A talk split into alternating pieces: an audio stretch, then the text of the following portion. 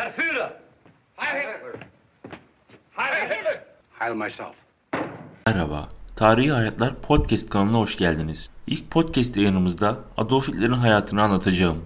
Adolf Hitler kimdir denildiğinde karşımızda birçok farklı inanç çıkmaktadır. Kimilerine göre acımasız bir diktatörken, kimilerine göre gelmiş geçmiş en başarılı politikacılardan bir tanesidir. Adolf Hitler 20 Nisan 1889 tarihinde Almanların yoğunlukta olduğu Avusturya Macaristan İmparatorluğu'na bağlı Yukarı Avusturya'nın Braunau kasabasında Alois Hitler ve Alois'in üçüncü eşi Pöls'ün oğlu olarak doğmuştur. Alois'in 6 çocuğundan dördüncüsü olarak dünyaya gelmiştir. Avusturya vatandaşı olarak doğan Adolf Hitler daha sonra 1925'te Avusturya vatandaşlığından çıkmıştır. Babası bir gümrük memuru olan Adolf babasının hükmünde bir eğitim hayatı yaşamıştır. İlk okul eğitimine doğduğu kasabada başlamıştır. Ortaokul eğitimini Linz'de başlayan Hitler bu dönemlerde ressamlığa büyük merak duymuş ve derslerinden çok çizime vakit ayırmıştır. Lise eğitiminde daha birinci sınıftaki sınavlarını veremeyen Hitler sınıfta kalıp lise 1'i tekrar etmek durumunda kalmıştır. Hitler'in babası Hitler çocukluğundan beri onun ileride memur olmasını istemiştir. Hitler ise kendisini ressamlığa adamış ve hep ressam olmak istemiştir. Hitler bu konuda babasıyla birçok kez karşı karşıya gelmiştir. Lisedeki öğretmenlerini çok ağır bir şekilde eleştiren Hitler sadece tarih öğretmenini çok sevdiğini ve ona çok şey borçlu olduğunu belirtmiştir. Hitler kavgamda şöyle belirtir. En çok tarih ve coğrafya derslerinde başarı gösteriyordum. İşte bu sırada milliyetçi oldum ve tarihin gerçek anlamını anlamayı, idrak etmeyi ve bu konuya nüfuz edebilmeyi öğrendim. Zevklerim beni babamın hayatına benzer bir hayata itmiyordu. 3 Ocak 1903'te geçirdiği bir felç sonucu babasını kaybeden Hitler ağır bir ciğer hastalığına geçirmiş ve okula ara vermek zorunda kalmıştır. Düzeldikten sonra ailesine bakmak için çalışmak zorunda kalan Hitler liseye devam edememiştir.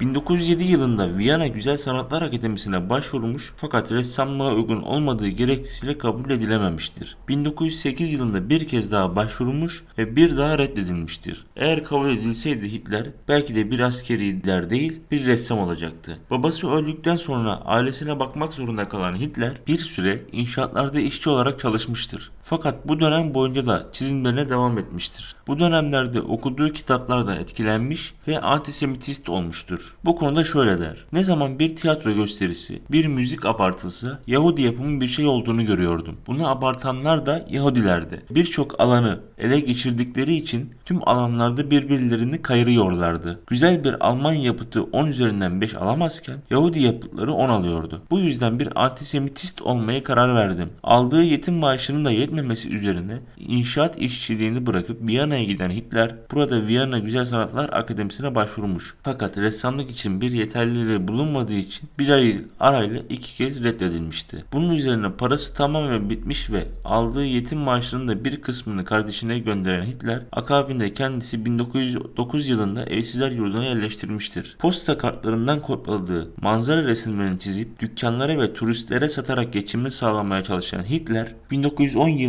evsizler yurdundan çıkmış ve birkaç fakir adamla birlikte ortak eve yerleşmiştir. İki sene de burada kalmış olan Hitler son parasıyla da 1912 yılında Almanya'nın Münih şehrine gitmiştir. O dönemde asker kaçığı olan Hitler Avusturya ordusu tarafından Münih'te yakalanmış ve geri götürülmüştü. Fakat fiziksel olarak askerliğe elverişli bulunmadığı için Hitler'in Münih'e dönmesine izin verilmiştir. Avusturya ordusuna alınmayan Hitler Almanya'ya dönmüştür. 1914'te Almanya 1. Dünya Savaşı'na dahil olduğu zaman Bavyera Kralı 3. Ludwig'ten Bavyera alayında savaşmak için izin istemiş ve bu isteği kabul olmuştur. Hitler Batı cephesinde Albay Julius List komutasındaki 16. Bavyera Yedek Piyade Alayına verilmiştir. 1. Ypres Muharebesi, Somme Muharebesi, Arras Muharebesi ve Passchendaele Muharebesi'ne katılmıştır. Fransa ve Belçika'da alayında aktif haberci olarak görev yapan Hitler yemeklerden ve zor koşullardan hiçbir zaman şikayet etmemiş, görevini yaparken gösterdiği süreti ve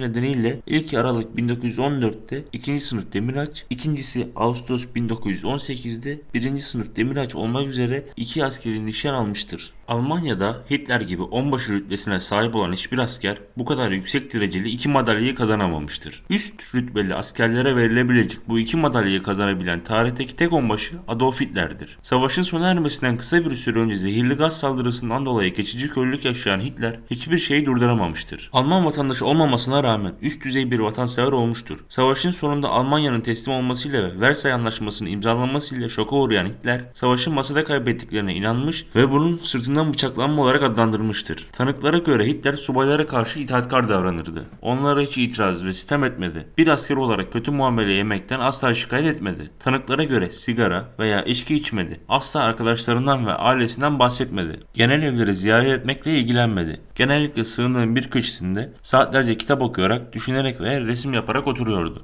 Birinci Dünya Savaşı'ndan sonra Hitler orduda kaldı ve Münih'e döndü. Burada öldürülen Bavyera Başbakanı Kurt Eisner'ın cenaze yürüyüşüne katıldı. Münih Sovyet Cumhuriyeti'nin kaldırılmasından sonra Bavyera Reichswehr grubu karargahında eğitim ve propaganda bölümü tarafından organize edilen ve yüzbaşı Karl Mayer'ın sosyal düşünce kurslarına yer aldı. Bu grubun anahtar amacı savaşın patlak vermesi ve Almanya'nın yenilgisi için bir günah keçisi yaratmaktı. Günah keçileri uluslararası Musevi halkı, komünistler ve parti çemberi dışındaki politikacılar kabul edildi. Bunlar özellikle de Weimar Koalisyonu partilerindeki ve Kasım suçluları olarak anılan politikacılardı. Temmuz 1919'da askeri organizasyon içerisindeki istihbarat belinde çalışmak üzere polis casusları atandı. Bu casusların amacı diğer askerleri benzer fikirlerle etkilemek ve imkanları dahilindeki bir sosyalist olması düşünülmüş Alman İşçi Partisi adanındaki küçük partiye sızmayı mümkün kılmaktı. Hitler bu denetleme sırasında politikacı Anton Drexler'in toplumun tüm üyelerinin ortak dayanışmasıyla ve sosyalizmin Yahudi karşıtı bir versiyonu olup güçlü aktif bir hükümet onaylayan ve antisemitik milliyetçi, antikapitalist ve Marksizm karşıtı fikirlerine hayran kaldı. Burada ayrıca partinin ilk kurucularından ve gizli Thule Society'nin de üyesi olan Diekrit Eckhart'la da tanıştı. Eckhart Hitler'in akıl hocası oldu. Onun fikir alışverişinde bulunduğu, ona nasıl giyinmesini ve nasıl konuşması gerektiğini öğretti ve onu geniş bir çevreye tanıttı. Hitler ona teşekkürünü kitabının ikinci bölümündeki övgüleriyle yaptı. Ordudan Mart 1920'de terörist olan Hitler ve eski üstleri böylelikle parti ve aktivitelerinde de tam zamanlı yer almaya başladılar. 1921'in başlarında Hitler konuşmalarıyla pek çok geniş kitlenin önüne bile son derece etkili hale geldi. Hitler Şubat ayında Münih'te yaklaşık 6000 kişilik bir kalabalığın önünde konuştu. Merkezin Münih'te olan partinin amacı Yahudi toplumunun ortadan kaldırmak. Bir süre sonra Hitler'in parti içindeki gücünün de arttığını gören yöneticilerin onu diktatör tavırları yüzünden eleştirmeleri nedeniyle 11 Temmuz 1921'de partiden istifa etti. Fakat Hitler'in yokluğunda partinin sonu olduğunu fark eden yöneticiler onu yeniden çağırdılar ve bu kez başkan olarak geri döndürdüler. Gücünü ilk önce aralarında kurucu üye Anton Drexler'in de olduğu kızgın komite üyelerini bastırdı. Bunun üzerine komite geri çekildi ve Hitler'in istekleri parti içerisinde oylamaya sunuldu. Hitler 1'e karşı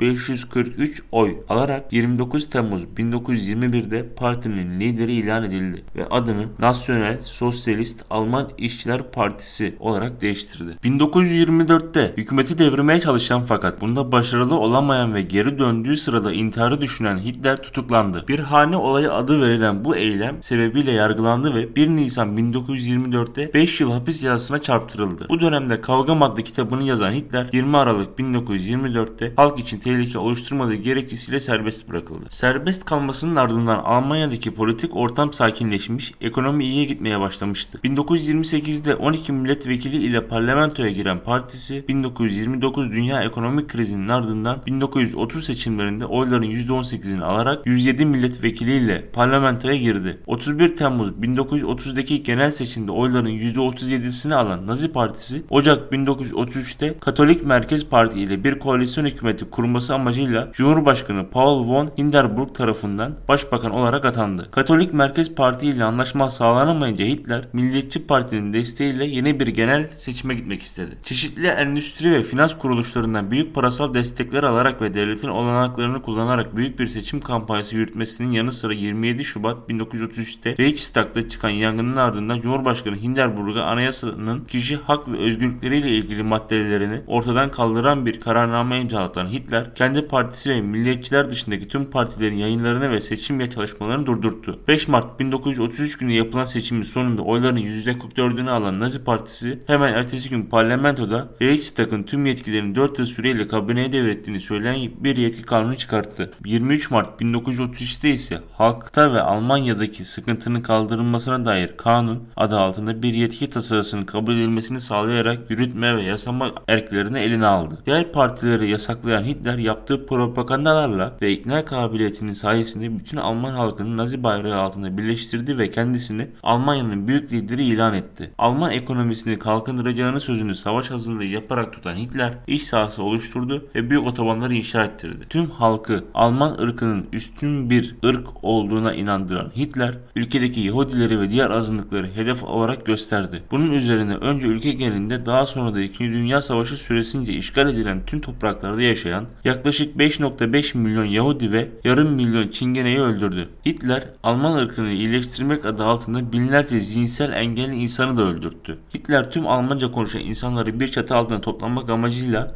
önce Avusturya'yı daha sonra Çekoslovakya ve Polonya'yı işgal etti. Bu işgaller sonucu olarak Batı Avrupa ülkelerini ve Rusya'yı karşısına aldı. Savaşın çok geniş bir cephede yapılıyor olmasının yanı sıra tarihçilere göre Almanya'nın Napolyon Bonaparte'ın yaptığı hatayı tekrarlayarak Rusya'ya kış savaş mevsiminde savaş açması ve sonra ABD'nin de savaşa dahil olması onlara yenilgiyi getirdi. 1944 sonunda Kızıl Ordu son Alman güçlerini de Sovyetlerden temizledi ve Avrupa'nın merkezine ilerlemeye başladı. Batı güçleri de Almanya'ya hücum etmekteydi ve Almanya savaşı asker açıdan kaybetmişti. Fakat Hitler düşman güçlerle hiçbir anlaşmaya anlaşmadı ve kalan Alman askeri gücü savaşmaya devam etti ve aynı zamanda katliamı da sürdürdüler. Nisan 1945'te generalleri Sovyet güçlerinin Berlin'e yaklaştıklarını kendisine bildirmesi ve Bavyera'ya ya da Avusturya'ya uçmasını önermelerine rağmen Berlin'de kaldı. Bu arada SS lideri Henrik Hammer'ın kendi başına Almanya'nın anlaşmaya hazır olduğunu bildirdi ve Hermann Göring ise Bavyera'dan Hitler'e o Berlin'de sıkışıp kaldığına göre bundan böyle kendisinin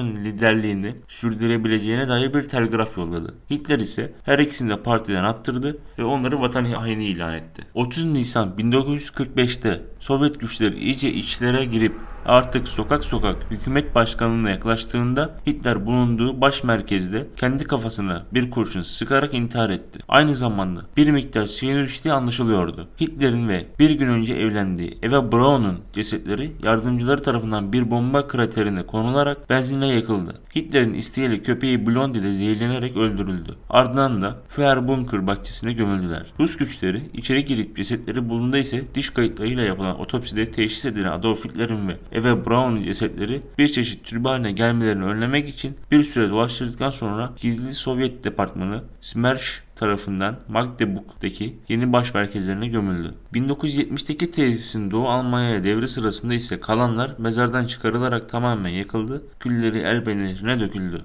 Hitler ölümünün ardından yıkıma devam etmeleri için emirler bırakmış ve vasiyetnamesinde diğer Nazi liderlerini görmezden gelerek Grand Admiral Karl Dönitzi Almanya Başkanı Joseph Goebbels'i de başbakan olarak göstermişti. Buna rağmen Joseph Goebbels ve eşi Magda 1 Mayıs 1945'te intihar etti. Almanya'nın 2. Dünya Savaşı'ndan yenik çıkmasıyla ve 12 yıl süren Hitler iktidarının ardından Hitler, Nazi Partisi ve Nazizmin sonuçları tüm dünyada kötü kabul edildi. Tarihi Hayatlar Podcast'inin ilk bölümünde sizleriyle birlikte Adolf Hitler'in hayatını dinledik.